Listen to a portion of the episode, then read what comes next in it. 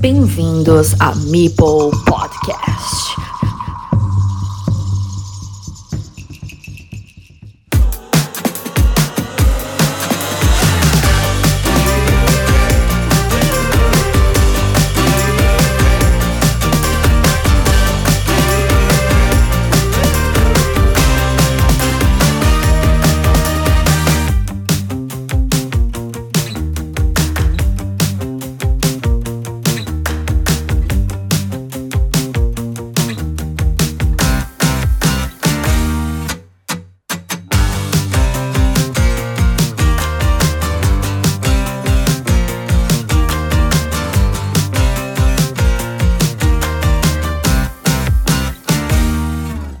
Vale, eh, yo lo único que sé del deck building es que es construcción de mazos, pero de ahí ya a entender qué significa el deck building, como no me, pongáis ejemplos, pues cero para cero. Lo del el deck building, eh, al final, eh, es una cosa, es una mecánica nueva que se inventó un señor. Y, y parece mentira eh, que, que con todo lo que había en el panorama de juegos hasta el momento, dices, ha salido una mecánica nueva. Eh, pues sí, se, se inventó Donald Vaquerino con el, con el Dominion. Y a partir de ahí, pues es un sistema que se ha ido explotando, mejorando, sí, eh, se, se le ha añadido más interacción entre jugadores, porque lo que le achacaban a Dominion es que había poca interacción entre jugadores. Hay, luego hay otros deck buildings que han añadido más interacción entre jugadores y tal. Pero a mí lo que me parece sorprendente es que, que pues en pleno siglo XXI pues, eh, se, haya, se haya inventado una mecánica nueva que es el, el deck building. Yo he jugado muy pocos, he jugado a Dominion, he jugado a otros que se podrían considerar medio medio deck building y he jugado a Rocketman también de Martin Wallace. Eh, pero bueno, que, lo que quería remarcar sobre todo, y luego que hablen ya más mis compañeros, es que es una mecánica nueva, que eso es eh, algo que, parece imposible de inventar. eh, ¿Y, y cuál es esa mecánica? Pues básicamente tú empiezas con un, set de cartas que todos los jugadores empiezan normalmente con el mismo set de cartas. En el dominio, por ejemplo, son 10 cartas, de las cuales se roban en este caso 5. Y eh, esas cartas te permiten normalmente comprar más cartas de un mercado central que hay, que hay en la mesa. Entonces dijéramos que tú empiezas con 10 cartas, pero vas sumando cartas a tu, a tu mano esa mano se deja a un lado y se roban cartas que todavía no has cogido. De forma que cuando te quedas sin cartas que robar, mezclas todas las cartas, las primeras que tenías más las que has comprado, y vuelves a robar las cinco. ¿De acuerdo? Entonces es una forma de ir construyendo tu mazo, porque cada vez van saliéndote diferentes cartas de las que has comprado. Y el deck building, para mí más puro, es en que además te permite eliminar cartas. Porque eso sí que realmente te permite construir un mazo. En el, en el, Dominion no existe esta mecánica desde el principio. Hay una carta que te permite destruir cartas, que cuando empiezas a jugar dices, pero ¿para qué voy a querer yo destruir una carta? Pues tiene mucho sentido, porque si tú destruyes, imagínate que tienes una carta en el Dominion que tiene un, un oro, perdón, un oro, un, un cobre, una carta de uno de moneda, ¿vale? De valor 1, y tienes cartas de valor 3. Pues para sumar 3 necesitas 3 cartas de 1. Si tengo en mi mazo 7 cartas de 1 y 2 cartas de 3, si me cargo varias cartas de 1, me van a salir más veces las de 3. Y eso es una cosa que al principio te cuesta mucho entender, pero en cuanto le coges el aire, ves cómo vas dando forma a tu mazo y el, mazo se dice que coge inercia, que va funcionando cada vez mejor, se van haciendo combos, combos, porque las cartas te permiten robar más cartas, añadirles a tu mano, en fin, eso es un poco la, la tecnología, es decir, la mecánica de que se inventó este señor y que se ha aplicado a un montón de juegos. Eh, bueno, y si está ahí Dominion, ya no digo nada, porque ahí eres el experto, ¿no? Bueno, no sé si soy el experto, llevo un montonazo, llevo 500 y pico partidas en Por eso de digo. Dominion apuntadas. Pero ¿qué, ¿qué pasa? Que Dominion tiene como 20 ampliaciones, entonces es la locura. De hecho, nosotros dejamos de jugar al Dominion porque compramos tantas ampliaciones que nos da pereza montar la partida. O sea, en la partida solo tienes que coger 10 mazos. Y estamos hablando que cada ampliación te trae como unos 20 mazos, pues tenemos 400 mazos en los que elegir, ¿sabes? Así que dijimos, ya, esto, esto se ha muerto. O sea, no- no, mu- murió de éxito este, este juego en, en mi grupo. Mm, ¿qué, más, ¿Qué más juegos de, de Dominion? Yo, me, a ver, de dominio, no, de, de deck building. no pasa nada. A ver, yo es, con diferencia mi, mi, mecánica favorita. O sea, yo, a mí me sacas unas cartas y me vuelvo loco. O sea, hemos hablado antes del Clank, así que el Clan Legacy, que, es un pepino que me gusta, me, me encanta. Eh, una de las cosas que ha dicho Mario es cierta. Eh, buen deck building para, para que funcione, tienes que poder eliminar cartas porque si no eh, va, a haber, va a haber bazas en las cuales te vas a ver que no vas a hacer casi nada. Eh, y el clank normal sí que creo que adolece un poco de eso. Correcto. Cuesta mucho eliminar cartas. Cuesta muchísimo eliminar y vaciar ese mazo. Eh, no sé, hay, hay, muchísimos juegos de building que, que, me encantan. Pues bueno, Clank, Aeon Sen, está también, el, bueno, el, podría decir un porrón de ellos el, el, Hero Reels que me encanta, el Fantasy Realms, eh, pero con diferencia y, y, y, por acortar, uno de los mejores deck buildings que yo he probado y que más me gusta es el Ascension. Correcto también.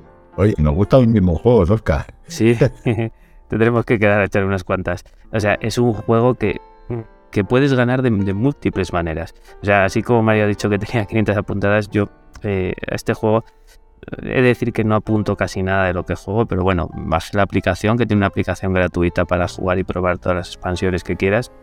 Eh, me lo tuve que quitar del, de, del móvil porque tenía más de 4.000 partidas jugadas y, y, esto no, no, no era rentable.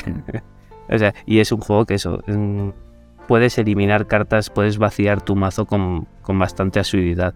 Eh, puedes ir a atacar monstruos solo para ganar puntuación eh, puedes hacer combos de cartas de porque hay cuatro familias de cartas por así decirlo y puedes hacer combos que claro eh, una de las cosas que tiene los deck building es que mmm, si combas cartas del mismo palo digamos así entre comillas de, de la misma familia pues funciona muy bien. Pero el Ascension puedes juntar cartas de la misma familia o no y aún así te van a combar. O sea en, no tienes que ser un jugador súper, súper, súper experto para, para poder llegar a ganar una partida. Eso sí, si eres experto y juegas muy bien, eh, lo vas a disfrutar y lo vas a... Eh, vamos, te va, te va a llenar eh, enormemente. Mm, probadlo, por favor. La aplicación es gratuita. Os metéis en, en, en el Apple Store, en la Play Store o donde queráis y bajáis Ascension y os aseguro que os va a costar 25 euros porque vais a comprar el juego, sí o sí. Bueno, pues a punto queda. Yo, eh, a ver, eh, lo que se está hablando, Dominion, el Ascension, todo esto, son deck buildings bastante puros. O sea, esto, esto, es como los vinos, que si quieres probar un vino de, de una determinada uva, pues te dicen, pues, pues prueba este. Pero luego hay algún juego que mezcla mecánicas y si queréis ver un poquito cómo, cómo es un poquito, eh, muy, de manera muy accesible, muy inicial, un pequeño deck building, eh, yo, a mí me gusta mucho eh, Las Ruinas Perdidas de Arnak.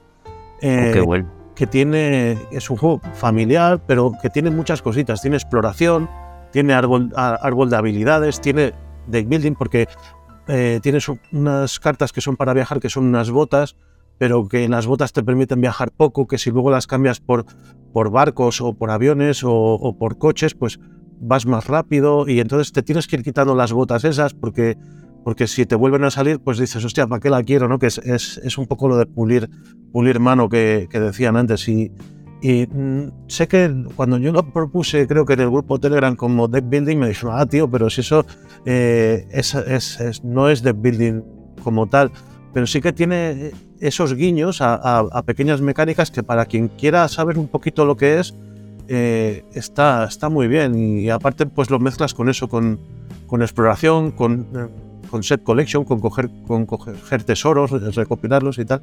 Y las ruinas perdidas de Arna, que es un juegazo que, que tiene un poquito de todo y, lo recomiendo. Lo sacó de Vir hace, hace unos años, ¿no? Eh, un par de años así.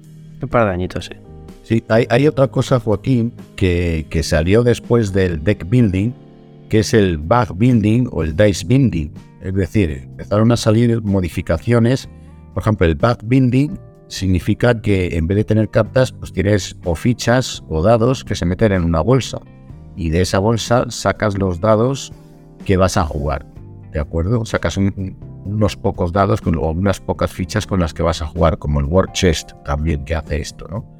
Y son es una mecánica de, construcción de, manos realmente que al final se ha mezclado con un montón de cosas, como ha dicho Oscar y Miguel, el Clank, el Clank a mí me, cautivó desde el minuto uno. Yo me lo compré en versión inglesa directamente porque vi que esto mezclaba el mazmorreo con el deck building y dije, esto, esto es un pelotazo.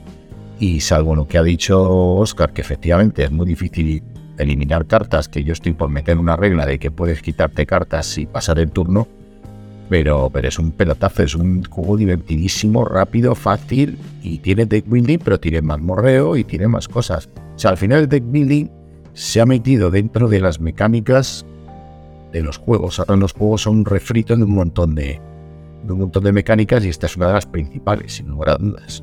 Eh, me vas a odiar, me vas a odiar, Mario. Pero Seguramente. Apunta el Catacombs. que viene, Catacombs. Sí, sí, el clan Catacombs. ¿Pero ese no, no es de Flicking? No, no, no, no. Es lo único, en vez de jugar en tu propio tablero, eh, cada uno se va creando su propio tablero, por así decirlo. Eh, apuntadlo, apuntadlo. Es, ya, ya lo he apuntado. es, brutal. De momento eso, todo solo está en inglés y tal, pero vendrá ahí, madre mía. Y, apuntar un pequeño apunte, así como, como Mario ha, dado más, opciones, o en Backbuilding, que, está el, el Pozi Masivo de Bajes, que es buenísimo también. Eh, me, me, gusta mucho que es, eh, estamos hablando de la construcción de mazo, pero hay un juego que es de construcción de mazo. O sea, tú empiezas con un mazo que son 10 alcachofas, no gracias. Eh, ah, empiezas con 10 alcachofas y poco a poco te las tienes que ir quitando. Y el primero que consiga sacar una mano de 5 cartas sin alcachofas es el que gana. O sea, me parece muy divertido también y además es, de verduras y, son super cookies ahí las figuritas. Me, me, resulta gracioso, me resulta muy curioso, la verdad. Yo, el, el Rocketman, que lo he citado antes para que la gente sepa un poco de cada, porque igual le puede llamar la atención por la temática, es eh, un juego de Martin Wallace que es eh, sobre crear cohetes para intentar llegar a la Luna. Bueno, primero salir de la órbita terrestre, luego llegar a la Luna y si puedes llegar hasta Marte, ¿no?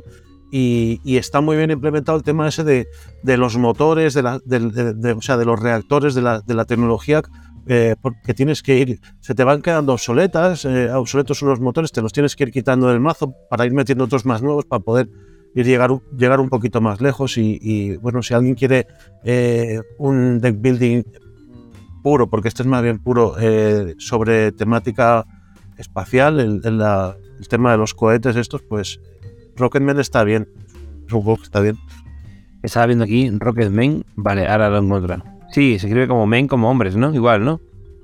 Mm, además, esto soy Martin Wallace. Sí, Y uno, uno que hablan muy bien, que bueno, yo escucho otros podcasts y, la verdad es que hay uno que, me, le están metiendo mucha caña, me, me, he visto algunos vídeos en internet, que es el Hit, el Pedal to the Metal. Ah, sí. Que es, que es un juego de carreras de coches que es una, es una mejora de lo que sería el Flame Push, que, es de, que es de ciclismo, pero según comentan, el, Hit, to, Hit Pedal to the Metal es, es un deck building, tiene una, una, mecánica de deck building aplicada a una carrera de coches muy interesante. La verdad es que tiene una pinta estupenda y le tengo ahí en, en mi punto de mira, la verdad. Mm.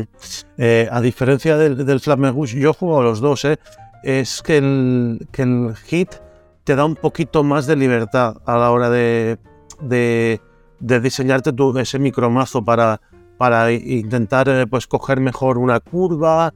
Eh, y es un juego que. Tienes, tienes más opciones para poder controlar. Para poder controlar el, cómo, se mueve tu. El Flavia Rush, que era de ciclismo, que estaba basado también en, en, lo que era el Tour de Francia, pero antiguo, en, en la que hombres rudos cogían las bicicletas, eran todos bigotones. Eh, eh, estoy hablando del, Tour de Francia de los años de Catapult, ¿no? Eh, es, era un poco más rígido el tema. cuando te llegaba el cansancio no, podías gestionarlo de, diferentes maneras. En cambio, el hit es como una mejora sobre ese juego y con temática ya de, pues, de, de carreras de coches más, de, más que de bicicletas. Bueno, pues entramos en juegos de cartas LCG y CGG y nos quedan después Print and Play y Roll and Grade. Así que vamos a juegos de cartas de este tipo, que yo la verdad que no me entero muy bien de qué van, pero bueno, eh, creo que la primera son de Collective Card Game y la siguiente Leading Card Game, que no sé exactamente quién quiere explicar esto. Eh, yo me podría medio atrever, pero bueno, tampoco tengo realmente la certeza mil por mil de que sea así. Estoy en un 99%. O sea, el Living Card Game es, la propia palabra lo dice, es un juego de cartas que está vivo. O sea, cada día van saliendo, bueno, cada día, cada cierto tiempo van saliendo nuevas cartas, nuevos mazos a los que añadir a, los que ya tienes, reconstituidos, etcétera, etcétera.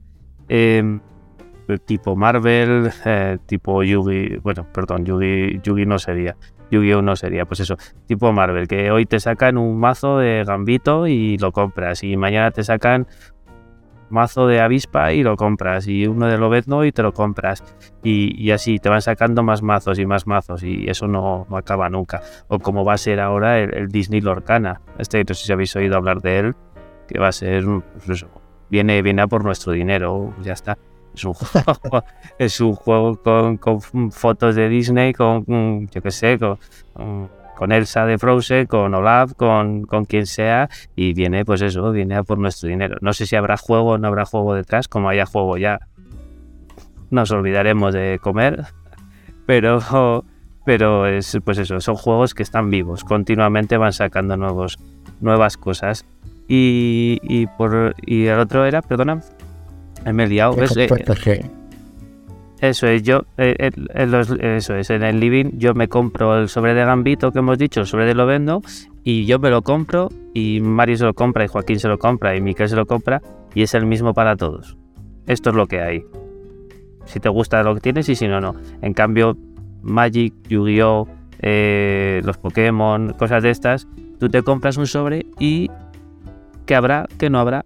Son como loot, como loot boxes, ¿no? Como, como si fuesen... Exactamente, a forzar tu suerte. Te puede salir una Black Lotus que las venden por 500 mil dólares o te puede salir una mierda que no vale para nada. Pues eso ya es lo que... Lo, al azar. Es, son juegos que, que de pay, pay to win que se dicen, que cuando más compres, más posibilidades tienes de, de, poder tener un mazo bueno. Incluso aquí en Barcelona bueno, ahora digo aquí en Barcelona y, y estoy viviendo fuera, pero que eh, cuando yo jugaba Magic, pues había una tienda que, que, vendía cartas sueltas, porque es que a lo mejor te salía más, más rentable ir y comprarte esa carta en concreto para un mazo que te querías construir en concreto que eh, probar suerte e ir, ir, comprando sobres a ver si te salía. ¿no? En Magic eso acostumbraba a pasar. Y luego también la gente que quería probar mazos pues hacía fotocopias y, y los probaba y si te funcionaba pues luego te ibas a comprar esas cartas al Black Lotus, ¿no? que era la tienda donde, donde te podías comprar cartas sueltas. Sí, sí, sí, tal cual, tal cual. Sí, lo que pasa es que aquí a Wizard no le puedes pedir. aquí a Wizard... pero, yo, yo, pero solo, sí. yo, solo he jugado, yo solo he jugado un RFG que me lo compré de segunda mano hace poco, que es el del Señor de los Anillos. Y por curiosidad, porque nunca había jugado este juego, a este tipo de juegos y digo, voy a ver, voy a ver qué, en qué consiste. Y bueno, este en concreto consiste en, superar una serie de, de, de, misiones con las cartas que tienes, con los mazos que tienes, ¿no? Entonces te vienen varios mazos con varios héroes del Señor de los Anillos y, y es súper chungo, o sea, es chungo que te mueres. De hecho, lo tengo aquí para hacerle la reseña y largarlo por Wallapop en cuanto pueda, te ocupan un espacio. Y, pero a mí no me ha gustado, pero reconozco que este tipo de juegos le, conoce, le gusta a mucha gente. ¿eh? O sea, esto tira, tiene un tirón que te cagas. Y luego en los, los CCGs como el Magic, también empecé a jugar al Magic, pero sí que me gustó el sistema, pero no me gustó el que lo que habéis dicho, que al final te enfrentas, a no ser que vayas a, campeonatos en los que te dan una serie de cartas un poco más restringidas y está todo más igualado, pero aquí consiste en que tú te metes aquí y te, te hacen polvo. O sea, te llega cualquiera que sabe eh, construir su mazo y, y tiene 18.000 cartas y te, te, te, destruyen. O sea, tú vas ahí de pardillo y no puedes hacer nada. Bueno, había, hay una modalidad de, juego de estos que son de, sobres que eso está chulo también, que va la gente, aunque, aunque sean muy pros, muy, profesionales jugando al juego este, pues eh, te dan eh, cinco sobres, te dan cinco sobres a ti y cinco sobres al otro. Y abres y con lo que te sale en, esas, en esos sobres te tienes que construir un mazo para ese torneo.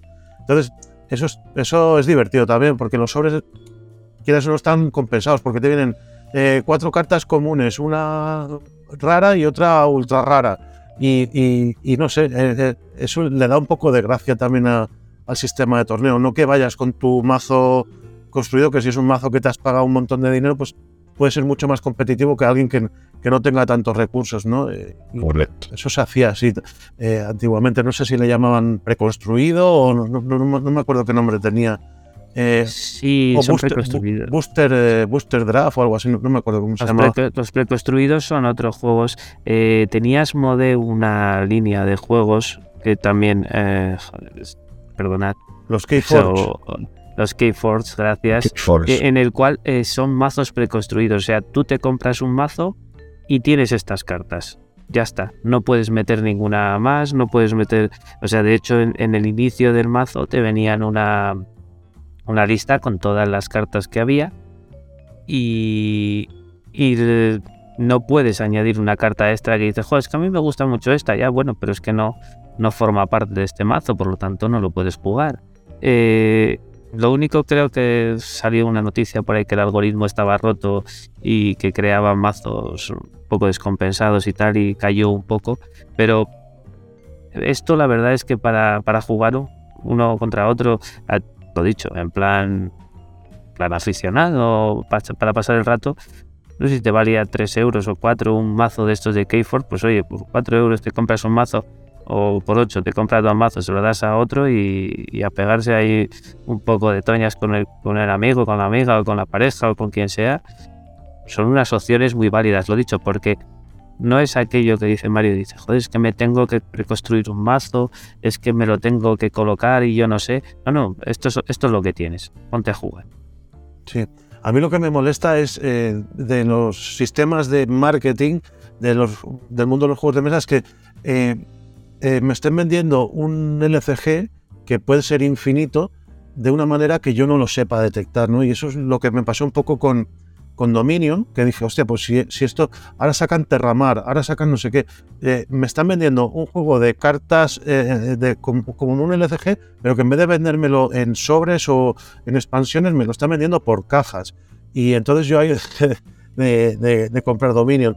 Eh, y ahora me da un poco de miedo lo que puede llegar a pasar con Mindbook, el, el juego que acaba de sacar de Vir, que Sí, es una sí, cajita sí. de 18 euros, que dices, hostia, qué simpático, porque empieza a jugar no sé qué, pero como empiecen a sacar cajas y no sé qué, digo, pero a ver, parar ya, porque además es- eh, quien está detrás es Richard Garfield, que es el creador de Magic. O sea, que, que, Pues ya está. que sí, sí, eh, sí, pero que, que es, al final es, son formas más civilinas de venderte un Sí. LCG sin, sin decirte claramente que, que esto es un sacadineros, ¿no? Entonces, eh, yo he Ya. llegado a un momento que, que, que hago un parón, digo, hasta aquí he llegado, me quedo con esto, quien quiera seguir comprando, que sea comprando, pero yo con esto hasta aquí me he divertido y me sigo divirtiendo y no voy a meter, eh, porque al final es una máquina tragaperras. Miquel, esto hace 15 años te decía que te lo vendían por fascículos y ya está. Ahora te lo Sí, sí. comes y ya. Y, y cuando te quieres dar cuenta, llevas ya siete expansiones y dices, joder, ¿cómo voy a parar ahora? Que sí, Ya, sí, es, sí, es sí. así, es así, es así. Es lo que nos pasó con el Dominion, literalmente. Tuvimos que parar ya cuando teníamos siete o seis o siete expansiones. Dijimos, bueno, pero ¿qué estamos haciendo? Y nos habíamos cargado el juego, o sea, ya no podíamos jugar porque era muy complicado.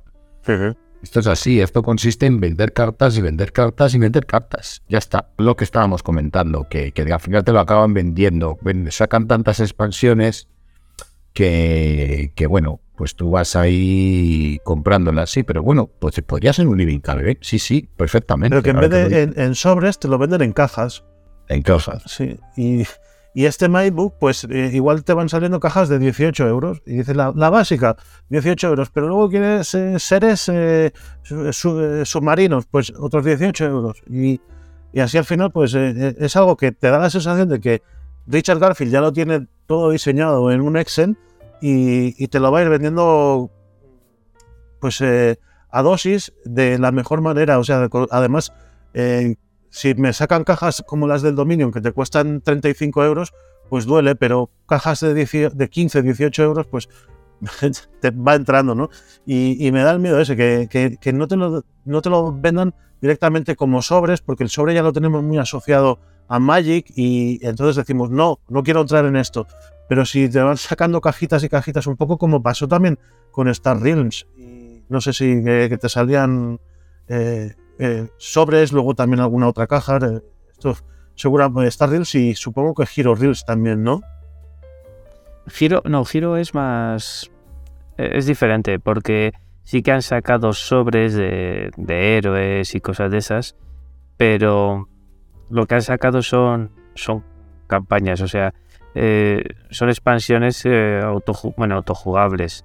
Eh, puedes, tienes que jugar con el juego base también, son, expansiones de, campañas, lo dicho, en las cuales tú juegas tu campaña. Si quieres comprar un personaje, lo puedes añadir, pero si no, con, el, con, un personaje básico ya puedes jugar. Al final es lo de los lo de los juegos de ordenador, los DLCs que se han puesto tan de moda. Pues, coño, yo quiero que me vendan un juego cerrado, no quiero ser eh, Sí. un- un- un- una persona con la que están ensayando marketing a ver si, si, a- a- si me compro el base, si cuántas posibilidades tengo de luego comprarme la, segunda, la tercera y la cuarta expansión. Y ellos ahí tienen un árbol de, de- de- de conversión, ¿no? De, cuánta gente se va comprando una, otra y otra. Y quiero un juego cerrado. Es que al final eh, en, en los Kickstarters se ve también, ¿no? Que eh, dices, pues si llegamos a tanto dinero, metemos esto. Si llegamos a tanto otro dinero, pledge, ya, metemos esto. No, quiero saber el juego, cómo se diseñó, cerrado. Y si hay expansiones que eh, formaban parte del juego base, no, no, me, no me lo trocees y me lo vendas como expansión, tío. Véndeme un juego base y luego las expansiones que sean añadidos. Pero, no sé, es que a mí me da mucha rabia eso. No, es, es un juego con expansiones, no. Sí. Ese- todas esas expansiones Sí. son añadidos al juego. O sea, tú con el juego base puedes jugar perfectamente, pero cada vez que le añades una expansión, pues te mete un plus de dificultad o un plus, un extra que, eh, que le va ganando, pero no, no es el ECG como tal. No. Lo es, es co- es co- no, Eso es, sí. Vol- Volvemos, Sí. volvemos a lo mismo, es como un carcaso. Tú juegas un carcaso, pero si le metes un, una, la de comerciantes, pues tiene un extra. Si le metes el- la princesa del dragón, pues tiene un extra. Si le metes el alcalde, pues más extra todavía. O sea, no es LCG. Hay gente que lo considera porque lo ha jugado tantas veces que lo juega súper rápido, pero yo no lo considero filler. Eso es. No, Bueno, so- a ver, sobre yo- todo que, que sean cartas, ¿no? Eso es lo primero, porque Sí, es lo que pensaba en los cartas. Sí, hombre, Living, living Card es Living Card. Cartas con nuevas cosas. O sea, una carta que tiene un ataque más poderoso, que tiene una defensa, que una tierra extra, una carta que te permite hacer algo. O sea, el juego de Magic son cartas. Sí, sigue Claro. siendo lo mismo, o una carta diferente con otro poder, o que te comba mejor con una, una facción tuya o lo que sea. Pero son, son cartas, lo mismo. Sí, y que, y que vas viendo en, en- en la cronología que, que, por ejemplo, Magic pues salió en el 96 o, o- o creo que en el 96 y vas viendo que año tras año pues va saliendo eh, eh, sexta edición, eh, ahora no sé por qué edición más, ¿no? Pero que y- incluso en las normas de los torneos te dicen en este torneo no puede participar gente con, o sea, banean cartas. Te dicen esta carta, esta carta, esta carta están prohibidas porque ya son muy antiguas y, y eran demasiado poderosas o, lo que sea, ¿sabes? Todo eso te da te da claramente eh, las pistas de que hay de que es un juego eh, un, LCG, o sea, un o un CCCG. Eh, en cambio, un juego que tiene expansiones, pues te, te sacar una expansión, pues yo que sé, para alargarle un poquito la vida comercial, pero no va a ser cada año. Entonces es, lo que yo decía del Mindbook. Si cada año vamos a tener una expansión, pues igual sí que te lo venden como, como una expansión, pero es un, es un CCCG o un LCG.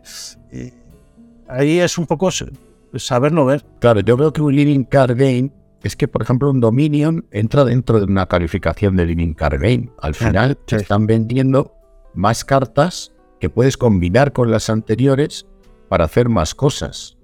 ¿Vale?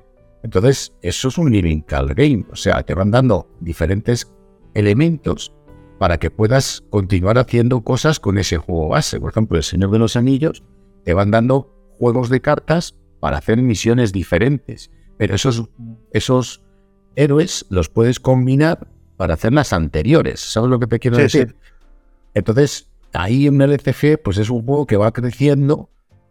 Llámalo, lo que es que estoy de acuerdo contigo, Miquel. Es decir, al fin y al cabo te están vendiendo set de cartas, pero en cajas. O sea, es como decir, ala, te meto toda esta caja y tira para adelante.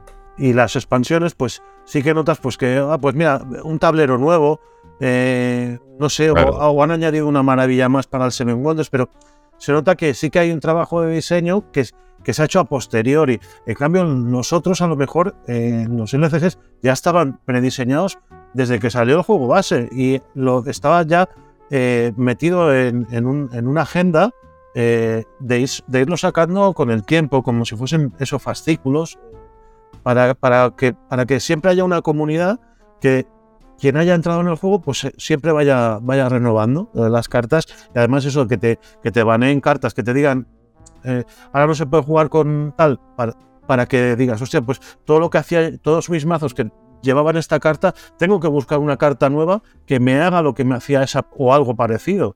Y, es, engancharte en, en la vorágine de comprar, de probar, de todo esto.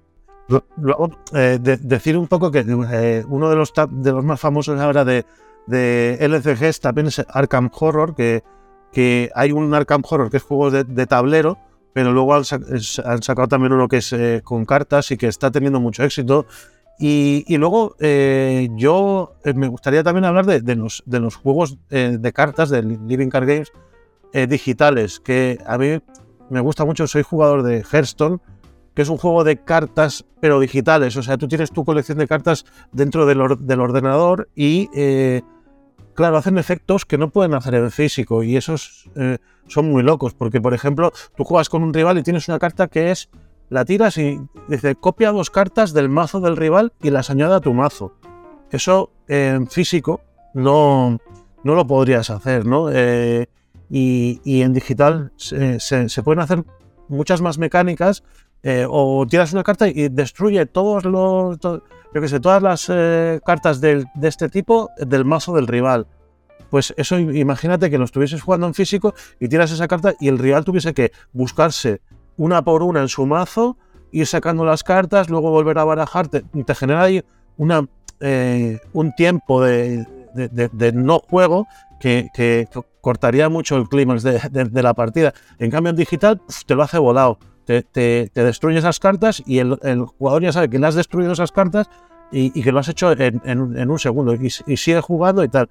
Y eh, digo eso porque que se tengan también en cuenta los juegos digitales de cartas por todos estos efectos que se hacen, que son muy locos y son muy visuales. Además tienen mucha audiencia también en, Twitch, en, streams y tal. Y bueno, son los consideran eSports, eh, eh, como, como si fuesen estos videojuegos que se, que se streamean y que los sigue la gente eh, por YouTube y también por, por Twitch. Vale, eh, vamos a cortar por aquí. Vamos al print and play y al roll and write. Intentaremos acortar porque en realidad tampoco esto creo que tenga demasiado que extenderse. Y pasamos a un mini debate del carcasón, pero muy rápido. Así que, si queréis, print and play, ¿quién quiere comentarlo? A ver, yo, eh, lo dicho, sigo, sigo con mi línea, línea infantil, ¿vale? Eh, con 5 de ABA. Eh, es un juego en el cual eh, tenemos eh, una hoja, la podemos plastificar cuando ya se nos estén acabando nuestro mazo, porque tenemos un buen macito y tal, y tiramos unos dados, y en esos dados salen unos números y sale una, una configuración de, de figuras. Entonces, claro, tienes que hacer... tienes que ir haciendo con formas en tu hoja que indiquen eh, esos cinco cuadrados, pero que tengan los, los símbolos que han salido dentro de, de los dados.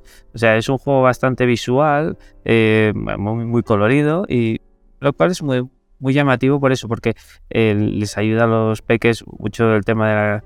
De la eh, ¿Cómo se llama esto? Perdonadme, eh, pero por las horas. capacidad espacial o algo así. O sea, eh, el tema de saber reorganizar todo su tablero y es, muy- es muy entretenido y, y muy, muy Pero es divertido. un, es un roll and write, Oscar, ¿no? Sí, No, que estamos hablando del print and play, pero vamos, que da igual, que también Venga. vamos a hablar de Roland Wright. no pasa nada. Pues Que, que, que pero si es que print and play tampoco tiene mucho que hablar. Un print and play es que te, te imprimen las, las piezas del juego y juegas con ellas. Se acabó. O sea, No pasa nada. Pri- Print and Play al fin y al cabo es eso que ha dicho Mario. O sea, se, lo tienes disponible y lo, lo descargas y lo que haces es imprimirlo. Pero además es curioso porque he leído que se ha puesto de moda en la pandemia y tiene sentido porque no sales a comprar nada, pues lo imprimes y, Bueno, y juegas sí, en casa. Es que, Sí, eh, es, sí, es es- verdad. Es que sí. As- Asmodee eh, en pandemia sacó una. Sí, sí, eh, liberaron como muchos juegos, eh, o, o a lo mejor demos técnicas de, de diferentes juegos que tenían ellos, del doble, no sé qué tal. eh, y, y en la misma web de Asmodee decían que por pandemia, pues eh, te los bajas y creo que todavía están disponibles. Estaba el Corinth, que también era un, un, roll and write y tal para hacértelos y tal, pero que, que yo el print and play pf, es lo que decía Mario, tenía sentido a lo mejor hace años que sabías que no te iba a llegar que no iba a llegar un juego porque se vendía a lo mejor en Estados Unidos o que, o que había sacado un autor y era autoeditado y entonces eh, eh, lo tenía en una web y te lo podías bajar y tal. Eh, pero ahora mismo es que a mí ya no tiene sentido porque es que acaba saliendo todo. O sea, eh, el, el ejemplo claro es el, el Regicide que ha salido ahora por Devir. Es un juego que, que, que incluso se puede jugar con, con un mazo de cartas de, de- de póker francés.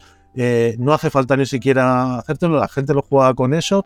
Salió una versión en print and play, la gente se lo imprimía y tal, pero es que lo ha, lo ha sacado de Vir. Es que eh, el Orchard también es un juego que, que salió también en print and play, eh, porque este era un autor de muchos juegos print and play, pero lo, ha lo, lo han sacado también, ahora no sé si es Cacahuete Games o, o Melmac.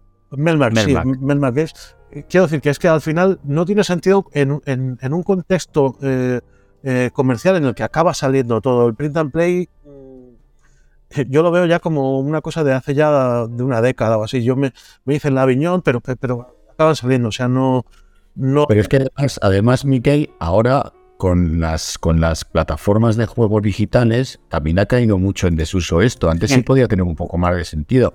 Pero es que ahora en la BGA, por ejemplo, o en otras, tienes un mogollón de juegos. Compro, Que, compro. an- sí. son- que an- antes te los podías imprimir y jugar por decir, "Joder, pues voy a probar cómo es este juego. Pero es que ahora te, metes la suscripción y lo pruebas y ya está. No tienes que hacer nada más. Eso es, sí, sí. Y, y si queréis, eh, pongo un ejemplo de un juego print and play de un autor español que es eh, Santiago Esimeno y que es muy sencillo, es un abstracto, eh, se llama Folium, lo podéis buscar en la BGG, te lo haces con una hoja de papel, en, la cortas en, unos pedazos y con un bolígrafo es un juego para dos jugadores, es, un, es una... eh, como un vitaminado del, del 3 en raya pero eh, echarle un ojo porque, porque es un juego interesante. Folium de Santiago Ximeno está en BGG eh, y no hace falta ni siquiera imprimírtelo. Necesitas un, un folio de papel, un boli y unas tijeras. Y, y da, para, da para unas partidillas.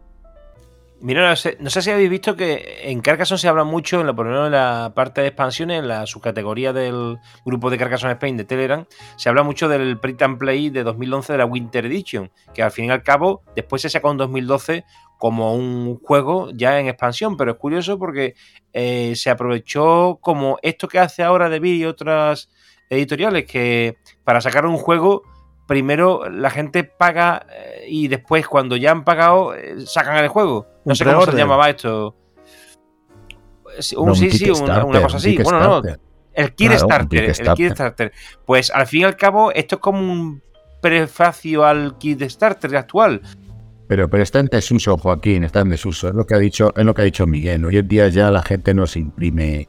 Es que, es que cualquier Kickstarter te, te, te ofrece una aplicación para jugar al juego, ¿sabes? O sea, está muy en desuso. Sí, luego hay gente que, que utiliza el recurso del print and play porque no se puede comprar un juego físicamente, que es el caso, por ejemplo, del estudio en Esmeralda, la primera edición, que hay gente pues que, que ha conseguido pues eh, el tablero porque uno se lo ha escaneado, no sé qué, pero estamos hablando ya de cosas ilegales, de, eh, pero que, que acabas recurriendo al print and play para, para poder acceder a un juego que ya, que, o sea, es que tienes que pagar pues, eh, pues 300, eh, 200, 300, 400 euros eh, por un, que bueno, que ahora tampoco es tanto, porque salen juegos nuevos que valen también ciento y pico euros, pero que, que, que no están, o sea, que, que ya no hay unidades. eh, o el mundo disco, por ejemplo, que ya no se va a volver a editar o cosas así, pero que eso ya estamos incurriendo en fotocopias, en fotocopiar, en cosas así, que, que eso no me gusta. Y luego sí que también dentro de la BGG hay un circuito de, de creación, de, de- de- o sea, de diseñadores de juegos de mesa, que, y hay concursos de diseño de juegos en, en print and play, que eso sí que es realmente interesante. Y, y luego de ahí pues han salido juegos que, que han salido luego al circuito comercial y eso si os, si os metéis mucho en la BGG, podéis buscar eh, eh, print and play contests y, y creo que son regulares, creo que hay uno cada mes o cada dos meses y, y hay gente que participa porque le gusta mucho, luego la gente eh, se los imprime y, y los evalúa y los vota y tal y, eso tiene mucho valor, pero eh, ese es- es- para mí eso sí que sería el, el germen genuino del, del, del el, el coger y- y que alguien te escanee un tablero o unas cartas y que tú te las imprimas o lo de las losetas o lo que sea, eso yo, yo creo que estamos incurriendo casi casi en la piratería, ¿no? Sí, A pero hay, hay una corriente en la que sí que tiene sentido. Ay, perdona, Oscar, que querías No, tú no, decir. tranquilo, tranquilo, sigue, sigue. So-.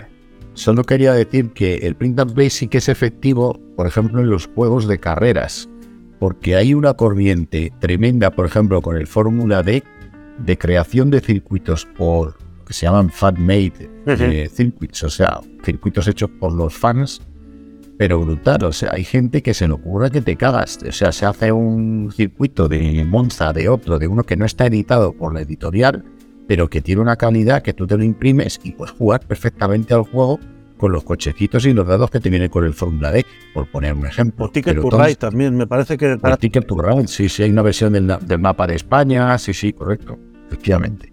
Sí, perdón, no, simplemente quería, quería añadir esto, que, que todo el Print and Play para mí, todo lo que sea añadir, como bien decís, nuevos mapas, nuevos circuitos, nuevos recursos, eh, un concurso para presentar un posible proto, me parece genial.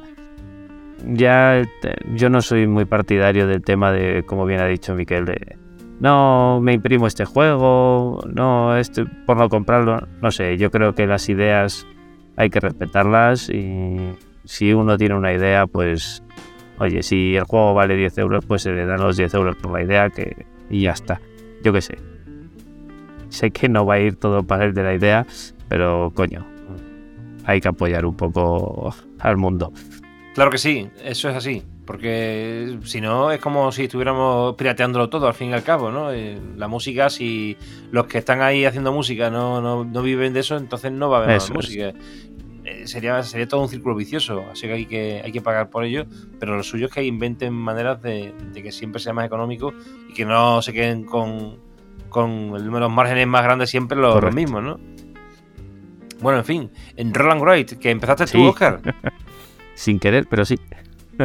con el juego de Eso. Java. Mm. Sí, nada, eh, simplemente pues eso, es un juego que, como ya comenté, que es súper visual, muy divertido, además tiene dados, a los niños les encantan los dados, si es que poco más que decir, no sé. Bueno, un- por, por, por decir un poco lo que es el Roland Wright, que yo creo que es un poco el espíritu de Joaquín de explicar lo que son las cosas. sí, El, el, sí, el Roland Wright es un- son juegos que en los que tienes una hoja donde vas normalmente tachando cuadrículas o apuntando números o apuntando letras en base a una tirada de dados o de algo aleatorio que, que va saliendo, como pueden ser también cartas.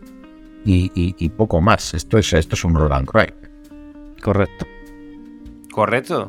Sí, sí, pone aquí, o tengo ya apuntado, juegos de normalmente de dados, pero principalmente que se utiliza el lápiz y el papel para anotar los resultados, ya sea del dado o de lo que sea. eh, La, la ventaja, la ventaja de estos juegos, que a mí es lo que más me gusta de estos juegos, es que puedes jugar con un número indefinido de personas. Es decir, desde tú solo, porque al final muchos son multisolitarios, hasta con un porrón de gente. Yo tengo el the, New- to the come to, ahí no me acuerdo la, cómo sigue. Welcome- eso suele ser el Welcome to, el, Sí, el Welcome New Phone, el nuevo House o hogar. algo así, es que, es que Eso no me acuerdo cómo se llama. Que este lo juego hasta la saciedad y, y tengo otro y tengo otro que es el Roll to the Top, que es un juego chulísimo que os recomiendo y que es muy fácil de jugar y también es de, de apuntar números en un papel dependiendo de la tirada de unos dados, no tiene más. esto, eh, los juegos eh, Roll and Ride eh, es curioso porque existían antes de, que ellos mismos se supiesen eh, como juegos Roll and. Eh, hace mucho tiempo, eh, esto lo recordaréis, estaba el Catán de dados, ¿no? Que, y en, ese momento no se, no se llamaban Roll and Ride. Lo que pasa es que se dieron cuenta que por el tema de economizar costes, que en vez de hacer tableros, que era mucho más rentable eh, hacer como un libreto de, conteo de puntuación que ya llevaban algunos juegos y que se fuesen repartiendo eh, las hojas a los demás jugadores y con unos lápices y eso, pues te podían estar cobrando como, como un juego de mesa con cuatro dados y tal, eh, por un componente que es un libreto de, al final de una hoja de, puntuación, que era lo que, lo que se estilaba antes, pues lo han hecho tablero y, con eso pues eh, los márgenes eh, son más lucrativos. Y, y, a, partir de eso, de, esa ocurrencia, es el, el boom de los Roller Red y cuando se, se, se forja el nombre ya de, de Roller Red y más o menos empieza con el, aunque ya había juegos como digo, el Catán de dados o el, o el Zoloreto de dados también, que son más antiguos, pero más o menos empieza con, con un juego que se llamaba Rolling Japan, eh, que era sobre un mapa de Japón y se tiraban unos dados y tal, y a partir de ahí pues eh, ido saliendo. Y entre mis favoritos está el Welcome también, pero como ya lo has dicho, eh, me gusta mucho también Cartógrafos, que tienen mucha interacción, porque al final es un juego que tus vecinos, eh, de izquierda o derecha, te van a escribir en un momento dado de la partida unas cosas en tu, en tu hoja para putearte. y- y está muy divertido. En cartógrafos y han, sal- han salido muchas, muchos eh, mapas de, de expansión y, y lo recomiendo. Eh, bueno, el Carcassonne de dados lo tengo. Ese que dices que es Roland Wright, la verdad que creo que lo compré en Wallapop por 6 euros y era en alemán, por eso Sí. costaba baratito. Pero bueno, lo tengo sin abrir todavía. Eh, es bueno, el que tiras unos dados y tienes que dibujar la forma del camino, de la ciudad, ¿no? Y todo eso. Creo que sí, sí, sí, correcto, sí. Muy bien, bueno, pues, eh, ¿os parece que hagamos una pequeña visión del, del Carcassonne? Es decir, para exponer en qué categoría estaría, si os parece que, no sé, porque sabemos que es un juego inicialmente familiar, ¿no? Que no tiene versión en solitario, aunque hay- ha salido por ahí algo también para jugar solo con el Carcassonne de alguna manera, pero bueno, existe desde hace años una visión más competitiva, como con el tema de los campeonatos nacionales y el mundial, eventos en internet como el mundial por equipos y todo esto, pero ¿qué pensáis del Carcassonne en general? ¿Cómo, cómo, ¿Dónde se ubica dentro de esta división de juegos tan larga que hemos hecho? Eurogame. ¿Eurogame? Sin duda. Sí. Totalmente. Sí, sí. Vale. Oscar, que tú nos decías que no, hace tiempo que decías que no te parecía un Eurogame. Me pondría a discutir amplia y largamente, pero lo vamos a dejar en Eurogame. No, no, No, a ver, eh, lo dicho.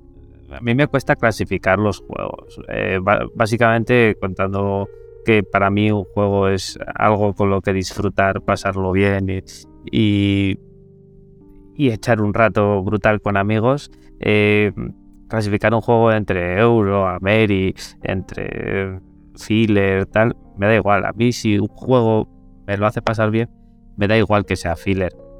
Me da exactamente igual. Me da igual que sea un Eurogame de tres horas. Sí. Eh, no sé, como bien hemos dicho, también los euros eh, suelen ser juegos que te van beneficiando un poco al que va por detrás eh, en el marcador. El, el Carcassonne no te hace eso. Ah, el Carcassonne si vas por detrás y, y te van fundiendo, pues te van fundiendo. Y te pueden sacar 20 y luego de repente te sacan 40 y cuando te quieres dar cuenta se han llevado tres campos de, de 6 o 9 puntos cada uno y te ha sacado 70 puntos no ha tenido esa compensación que digamos que casi todos los juegos euros tienen. Por, por aquello que decía Miquel de seguir en la pomada del juego. ¿no? Sí, pero Puedes estar o puedes no estar. en, en la no, puntuación el juego oculta. no te lo marca. En la puntuación oculta, por ejemplo, eh, el que tira mucho a granjeros, por ejemplo, eh, acostumbra a tener puntuación en el tablero eh, más baja, pero porque tiene a lo mejor, imagínate una granja de 21 puntos, eh, eh, que ahí está un poco el factor de compensación ese que son Sí, puntos no, pero- invisibles. Pero, pero no es, pero no es compensación. O sea, es- eso tú te lo, te lo vas creando tú porque eh, el tablero está ahí y la otra persona lo puede ver. Pero si yo voy por detrás en el marcador, eh, va pasando la ronda, nadie, el Carcassonne no me dice, no, ahora el que va a 20 puntos por debajo coge dos losetas seguidas. No. No tiene esa ventaja. O el que va a 20 puntos por encima eh, tiene que estar en una ronda sin poner un Viper. No, no pasa, no existe ese factor de compensación. O sea, es juégatela, eh, mira a ver si puedes con tu rival y si no puedes, pues no puedes. Luego lo dicho, el tema Sí. factor suerte existe también. Claro. Sabemos que en los euros también hay suerte, pero la suerte suele afectar por igual a los dos. Sí. Eh, y, y no es, y no es una suerte la cual, eh, digamos, eh, con- concluyente, por así decirlo. O sea, es más bien, pues eso, he tirado un dado, ha salido un 5 y los dos, pues yo que sé, por ejemplo, en el Castillo de Borgoña, tiro el dado 3, venga, pues se pone en el puerto 3, tiro un dado el 5, venga, pues se pone. O un Hotel Austria, he tirado nueve dados y han salido tres doses, un 6, un 5 y, y un... No sé si he dicho un 3. Entonces, y, pero con esos dados jugamos todos. Con esa suerte jugamos todos. No, no, en el Carcassonne es. Yo puedo estar esperando una loseta que me viene bien la tapa y hay cinco y no me sale ninguna de las cinco. Eh, y en cambio, pues al otro jugador sí que le han salido. Sí. Pues fíjate, Oscar, que tengo mi. mi- eh, a ver, tengo eh, pensamientos eh, parecidos a los tuyos en ese sentido, de la parte que es de la to- aleatoriedad de, de las losetas que te tocan, pero no estoy de acuerdo en cuanto a que el sistema de compensación creo que se que va implícito en la estrategia del juego, porque al fin y al cabo. Eh, la aleatoriedad en el Carcassonne es bastante relativa, donde afecta mucho la suerte de lo que te toca y lo que necesitas en cada momento, va más de la mano de que los jugadores sean de un nivel Eso es. casi Sí, idéntico, o sea, que, que realmente piensen igual, porque si son casi de la misma fuerza, aquí sí depende prácticamente todo de la roseta que toquen, porque si tienen la misma capacidad de encontrar la compensación en esta roseta no me sirve, pero sí la voy a utilizar para, para eventualmente, sabiendo lo que falta, eh, evitar que tú puedas utilizar las siguientes en tu favor o yo pueda utilizar las siguientes a mi, a mi favor o utilizar el hecho de que no estoy utilizando tantos meeples para tener mayoría para poder utilizarlo en otras circunstancias, eso hace que al final esa compensación esté también en la forma de jugar que no tanto en lo que te toca. En lo que pasa es que si los jugadores sí que son eh, igual de fuertes, aquí sí que, que hay mucha diferencia en que te, te toquen tres monasterios a que te toque solamente. Joaquín, ¿cuántas uno. veces has jugado tú contra un jugador que, que le ves que dices, joder, eh, todavía no tiene cogidos ciertos hábitos, eh, de 10 partidas le ganó 10 y tal, y has ido a bloquearle 3 meeples y justo le ha salido la loseta que, que no, te, que no te permite bloquearle, eh, y justo le ha salido la que necesita, y cuando te das cuenta vas 40 por debajo. Que luego al final igual le ganas. ahí juegas al peo- a tu Sí. peor nivel. Porque si no jugara con el handicap de que estás ya eh, dándote cuenta de que el jugador es peor que tú y vas No, a lo no, fácil, no, no, al final no, no, pierdes no, la partida. no, no, igual no me he explicado, ¿eh?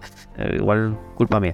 Eh, yo trato por igual a todos, o sea, y, y en el respeto está ahí. Si puedo ganarte, bueno, también, o sea, partiendo de la base de que, de que tampoco voy a hacer nunca sangre. Y si veo que voy ganando de 40 y tengo los campos dominados, pues no voy a coger otro campo más para ganar de 50. Pues ya está, ya he ganado, ya me da igual. Eh, pero quiero decir, eh, yo trato a todos por igual y voy a ganar desde un principio. Y yo, el elo que tengan o lo que sea, me da igual. Pero ves, por ejemplo, te has encontrado jugadores que se han bloqueado mi ellos solos. Eso Sí. te los has encontrado. Entonces Sí. dices, joder, no se conocen las losetas. Y aún así, te las hace pasar putas, porque justo eh, se hace una ciudad grande, se la cierra, tú intentas bloqueársela, intentas compartirla, no te sale loseta. Eso pasa. Eso pasa. Claro, esto es igual que en el póker. O sea, gracias a que el póker tú puedes ganar una partida o una mano al mejor jugador del mundo, tiene sentido que te enganches. Si no, no tiene sentido. Mira lo poco que engancha a jugadores como los que estamos en Carcassonne al ajedrez. No se engancha más que un 2% de jugadores. ¿Por qué? Porque aquí hay que eh, estrujarse el cerebro para avanzar en el ajedrez. Entonces, claro, eh, aquí tú juegas con ese jugador que tú acabas de decir, juegas 10 partidas y pierdes una. Aquí, aquí está la media. La media, la varianza está en que tú juegas 10 partidas con ese jugador que tú acabas de decir. Y sí, esa, esa la has perdido, como tú dices. Pero juegas otras 9 y no pierdes ninguna. O, pierdes una sola más. Pero, pero lo que quiero decir es, es a jugadores iguales, a, a nivel más o menos igual, o, o un poco superior, un poco inferior, el factor suerte no afecta a los dos de la misma partida. No sé si consigo explicarme, o sea, Sí, sí, sí. La varianza sí que se cuela, se cuela y, y va a favor de uno o del eso otro. es, eso es sí. cuando eso es cuando en los euros supuestamente el factor suerte que existe afecta por igual a todos. O sea, eh, venga, estamos esperando a que salga una loseta de barco. Y, y, joder, y no sale ningún barco, coño. Yo necesito barcos, pero no sale ningún barco. Ya, pero no sale ningún barco ni para ti ni para mí. Pero eso, hay, hay euros que, que tienen eso también, ¿eh? O sea, hay euros que estás esperando que te. te- Estos que, sobre todo, que tienen cartas que son eh, condiciones de puntuación privadas y, y, y hay, una, hay una acción que te permite descártate tus tres objetivos para coger otros tres objetivos. Y coges tres objetivos y dices, hostia, es que de los tres que me he cogido tampoco me sirve ninguno con lo que tengo ahora montado en, en el tablero. Eh, quiero decir que hay muchos juegos que son euros y son así también, de- de- dependientes del azar, o sea, no... Totalmente. Sí, sí, pero, pero, pero ese azar lo dicho, eh, pero ya te mezcla mecánicas, te mezcla otras mecánicas. Que lo dicho, que, que es mi opinión, que, que lo primero que digo es eso, eh, que, que, que le quiera englobar en un Eurogame, Sí. pa- perfecto. Pero que a mí hay cosas que, que me hacen ver que no termina de ser un Eurogame puro. Por aquello que estuvimos hablando de los deck building, este es un deck building puro, o esto es un Arnak que tiene colocación de trabajadores, que tiene subir en el track, que tiene deck building, que tiene gestión de mano, recursos. Pues yo creo que Carcassonne es que es- al yo de- querer decir que no es un euro, no es que lo quiera denigrar, por así decirlo, que va al revés. Estoy diciendo, no, no, pero si es que esto es algo más que un euro. O sea, Sí, sí. No sé, a mí, a mí sí que me parece un Eurogame, sinceramente. Estaba leyendo ahora todas las características, todas las clasificaciones y, por ejemplo, una Meritrash no es.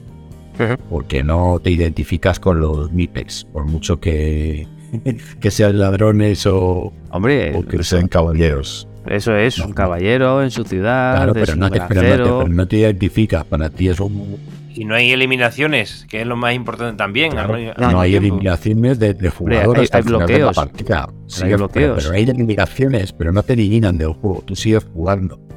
Tampoco. eh, quizá podría ser un juego abstracto. Es Mira, abstracto, sí, ahí- sí, sí. Ahí sí que podíamos meterlo.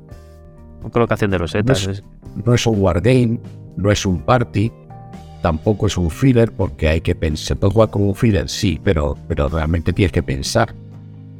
Es un cooperativo tampoco, salvo que juegues por parejas. No tiene errores ocultos, Claro. ni es un legacy, ni es un deck building.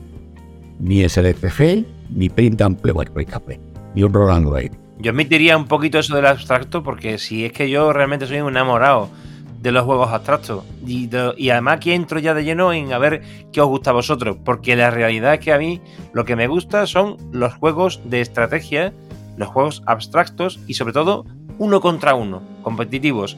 Pero sí es verdad que tengo que reconocer que me divierte muchísimo los fillers. En cambio, yo con los party, cada vez que juego con 5, 6, 7 personas, coño, como no me, no me termino de volver loco. Y yo creo que aquí Mario sí que es precisamente eso, y a Oscar también, los juegos que realmente le encantan. ¿no? Hombre, pero es que pero es que un party, hombre, a mí también, pero eso es que ha jugado a pocos parties, eh, te lo digo en serio. O sea, hay parties, hay parties que es que te tronchas, o sea, no puedes, juégate un time's up. Bueno, no he jugado con la Eso gente o adecuada. También puede ser. Es que son mucho, muy grupo dependientes, o sea, los parties. es- Sí, sí, eso es verdad. Claro. Y contexto dependientes, ¿eh? También, si tú no estás en, en el mood Sí. de, de- de jugar un party, si te ponen igual es el- tu peor día, ¿eh? Sí, el, el- el hombre es lobo de Castro Negro, que no es un party, pero es muy, muy, muy grupo dependiente. Sí. O sea, si la gente no se mete, se puede aburrir como una ostra. Y si quien maneja el fuego no lo hace bien, puede ser un auténtico horror. Correcto, sí. Abstracto, yo diría abstracto, fíjate lo que te digo. Diría que lo de Eurogame lo hemos dejado ya como claro, porque además hay mayoría, así que dejamos que el Carcassonne como Eurogame. Pero a vosotros exactamente, ¿qué es lo que más os gusta? Me pilláis Me pilláis a las, Sí. me pilláis a las 3 de la tarde y, y lo seguimos hablando. Sí, sí. Bueno, vamos finalizando. ¿Qué, ¿Qué es lo que nos gusta? ¿Qué, ¿Qué es lo que nos gusta del Carcassonne? Sí, sí. No, no, de Carcassonne no. Que, ¿Qué división os gusta más? Yo ya he dicho que lo mío son los juegos abstractos, pero que reconozco que me divierten muchísimo los fillers. O sea, los fillers de cartas. Los juegos pequeñitos que de- duran 10 minutos y juego a otro y juego a otro y juego a otro y no me aburro. Y voy cambiando de juego. Ahora el eh, uno, ahora otro. Buah, yo es que.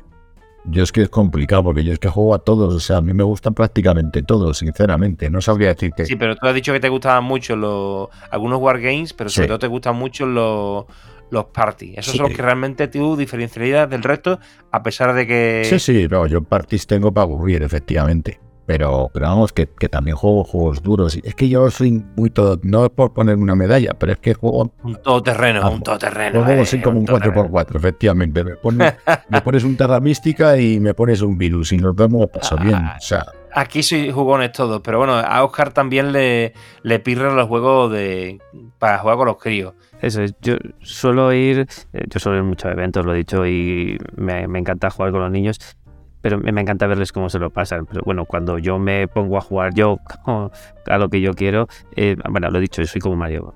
Me pongan lo que me pongan, me va a jugar. Yo quiero jugar. A mí me gusta jugar. Eh, me da igual lo que sea. Pero si puedo elegir, tiro hacia los deck buildings. O sea, a mí las construcciones de mazo me vuelven loco. Es, es mi mecánica favorita. eh, tener cartas en la mano, mezclar, barajar, eh, ir construyendo tu mazo y ver que has dicho, madre mía, madre mía, qué mazo me he creado, vaya combos que estoy haciendo. Eso a mí me, me fascina. ¿Ves, Mario? Hay siempre algo que te tira más. ¿A ti te, qué te tira más, Mario? yo, Dilo yo ya, te- venga. yo tendría que decir los Eurogames, casi seguro. Eurogames. Vale. Ok. Eurogames. Y elige el tuyo propio. Que ya lo dijiste en su momento, pero bueno, di, di uno. Hostia, así ahora, a estas horas, Venga, sí, ahora, ahora. yo qué sé, me gustan muchos. Yo qué sé, pues el Ticket to Ride. Ah, la Aventuras al Tren. no sé qué Venga, vale. bueno. Miki, venga, di qué es lo que te gusta más a ti. eh, es, un- es una etiqueta que se ha inventado David, David Sbrigg, eh, que le llaman los, es- los, family, los Family Plus, que son los Eurogames, que son un poquito más exigentes que los familiares y que no son Eurogames duros, duros, duros. O sea, pues, eh, yo qué sé, eh, un Riverboat, un Tigris y Éufrates, eh, que Qué por cierto lo jugué hace poquito y me voló la cabeza. O sea, eh, Qué buenísimo. la cantidad de, co- de cosas. ah, Tú lo tendrías que probar, ¿eh, Joaquín, el Tigris y Éufrates. La cantidad de cosas que puedes hacer en un turno con solamente dos acciones. Eh, es un abstracto también, ¿eh? Pero esto me muevo ahí, en ese. En ese y luego ah, descubres cosas como los eh, cartaventura estos que dices, hostia, es un juego narrativo, casi descubre tu propia aventura y hay cosas que me emocionan también. Y, pero estaría más en, en- los euros medios estos, en los Family Plus. Perdona que te diga, pero no es que tenga que probarlo. Es que tengo aquí una lista, un cuaderno de 20 hojas con, con un montón de juegos y toda la VGA por delante. O sea, que no sé. Y lo que tengo aquí sin abrir. Y no quiero entrar más en Wallapop porque me voy a arruinar. Pero bueno, el, el caso es que mm, si de cada juego que cojo, como no me gusta meterme en otro de lleno, a no ser que sea un filler porque son pequeñitos, ¿no? Eh, claro, porque hago un mundo de cada juego, intento exprimirlo al máximo. Si de cada juego que, que- que cojo hago un podcast, hago un algo de esto, me, me hace falta cuatro o cinco mm, gatos para multiplicarlo por las vidas del gato para poder ver todos los juegos. Pero bueno, vamos, sí, con el tiempo. Con el tiempo conseguiré ir aumentando mi, mi aprendizaje sobre los juegos y sí, me meteré. Este me, ha- me me llama mucho la atención porque también Sí. es de Inicia, ¿no? El, el Tigre Éufrates, ¿no? Pero el de Roma ese también me ha llamado la atención. Lo, la cantidad, bueno, y vale carísimo, vale 300 ¿Cuál? euros así, ¿no? El, ese de Roma. Ese es una, una, una caja gigante con, con piezas de. Bueno, de, de lo que sería la, la urbe romana, ¿no? ¿El O Pandemic sea, en la caída de Roma? No, no, el, No sé si es la el- caída el Roma, yo creo que no. El Rome que sacaba Ah, hace vale, vale, vale, no, no. una caja que es enorme, que además no se comercializa aquí en Ah, España no, no tampoco. sé, ¿eh? no sé. De eso no hemos hablado. Eh, en fin, bueno, eh, pues nada, ¿queréis decir algo más antes de despedirnos? Sí, Buenas noches. No, Eh, no, no, ahora nos despedimos. Digo que si queréis añadir algo a, la, a, a- a todo lo que hemos hablado ya. que ¿Alguna última sí, cosa? que jugar, que está muy bien competir, que ganar mola, pero que jugar y pasarlo bien y divertiros y si hay que romper un juego, romperlo y no uséis fundas, disfrutad de las cartas. Pasarlo bien, disfrutar jugando y probar juegos, probar, probar y probar. Yo soy también antifunda. Me gusta más. Eso es. Ya igual. Bueno, pues creo que ha dado mucho de sí esta charla, que se ha dividido en dos partes, o coloquio, o debate, o mesa redonda, como se le quiera Una llamar. cosita más, Joaquín, perdona. Sí, que sí, una pena que no haya podido estar Javi. Eso ya, ya tiene estos problemas técnicos sí, lo iba a comentar, claro. Pero que- bueno, una, que ha sido muy interesante todo y que queda como repositorio ¿no? para la posteridad ¿no? y, y que espero que le guste a los oyentes este programa. Y nos despedimos, pero claro que quería hacer mención precisamente antes de despedirnos de cada uno de los tertu- tertulianos o invitados, como queráis, o asistentes a la mesa, pues que nos queda la pena de que Javi de Elige Juego pues no ha podido continuar por algunos problemas técnicos. De hecho, hemos empezado la charla bastante tarde eh, respecto a la hora fijada pues, por estas circunstancias de los problemas que ha tenido. Pero es verdad que hemos pospuesto la, la quedada pues eh, hasta en dos ocasiones, si no me equivoco. Y ya aquí os lo hemos comentado durante la marcha al principio, pues que si, si se caía, porque se intentaba reconectar, pero que va, había un momento en que se ha caído, ha vuelto a conectar, pero después ya se ha caído definitivamente. Y nada, pues una pena porque además él era el que comentaba cositas, de- me acuerdo perfectamente del CCG y del LCG, de las cartas estas, que sí tenía cosas que decir, a, mar- a la margen de que tendría que decir sobre pues cualquier cosa que hemos hablado, porque él aportó también muchísimo a la charla anterior. Pero bueno, eh, vamos a abrir el rincón del jugón, Hola, hola, que ¿me haremos escucháis? cosas y... Sí. y na- yo te escucho, Miquel, sí. Mm, ¿Me escuchas? Es es que ha escrito, ha escrito que no os oigo. Ha escrito no os oigo. Ah, a ver. Bueno, pues nos despedimos aquí. Eh, Oscar, muchas gracias y te esperamos en otra ocasión. Gracias a ti, Joaquín. Un placer. Muy bien, Mario Martínez, lo mismo te digo. Muchas gracias por estar aquí. Nada, igualmente, un placer y esperando, deseando repetir. Muy bien. Y Miquel, ¿me escuchas? Bueno, pues que no me escucha. Es que ricasco, Agur. Eh, se ha caído también al final, a última hora. Bueno, pues hasta aquí la mesa de jugones. Un saludo a todos y nos vemos en otro episodio.